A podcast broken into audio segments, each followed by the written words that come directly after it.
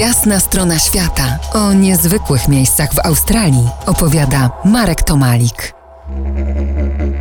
Wracamy do stóp gór śnieżnych, najwyższych gór Australii.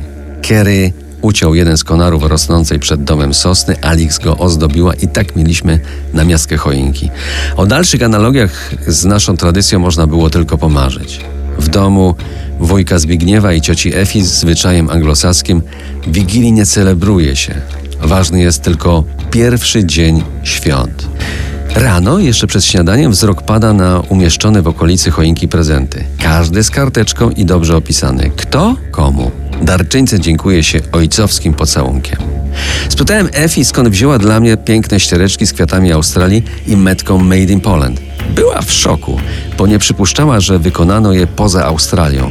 Jakoś wcześniej tego nie sprawdziła.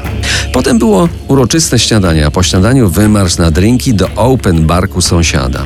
Kiedy wróciliśmy, czekał obiad, stół zdobił biało-czerwony obrus, a na talerzach pojawił się polski rosół. Drugie danie musiało być już z innej tradycji, oczywiście indyk z przystawkami. Wieczorem rozmawialiśmy, jaki film mamy wspólnie zobaczyć. Ja twardo moich gospodarzy namawiałem na seksmisję, którą znalazłem na kanale SBS. To znakomita komedia, przekonywałem. Ubawicie się po pachy.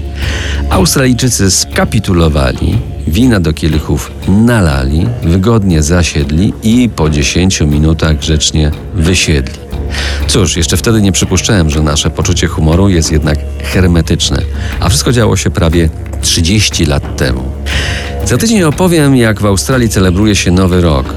W wielkim, wspaniałym Sydney, na małej farmie i na plażach. To była jasna strona świata w RMF Classic.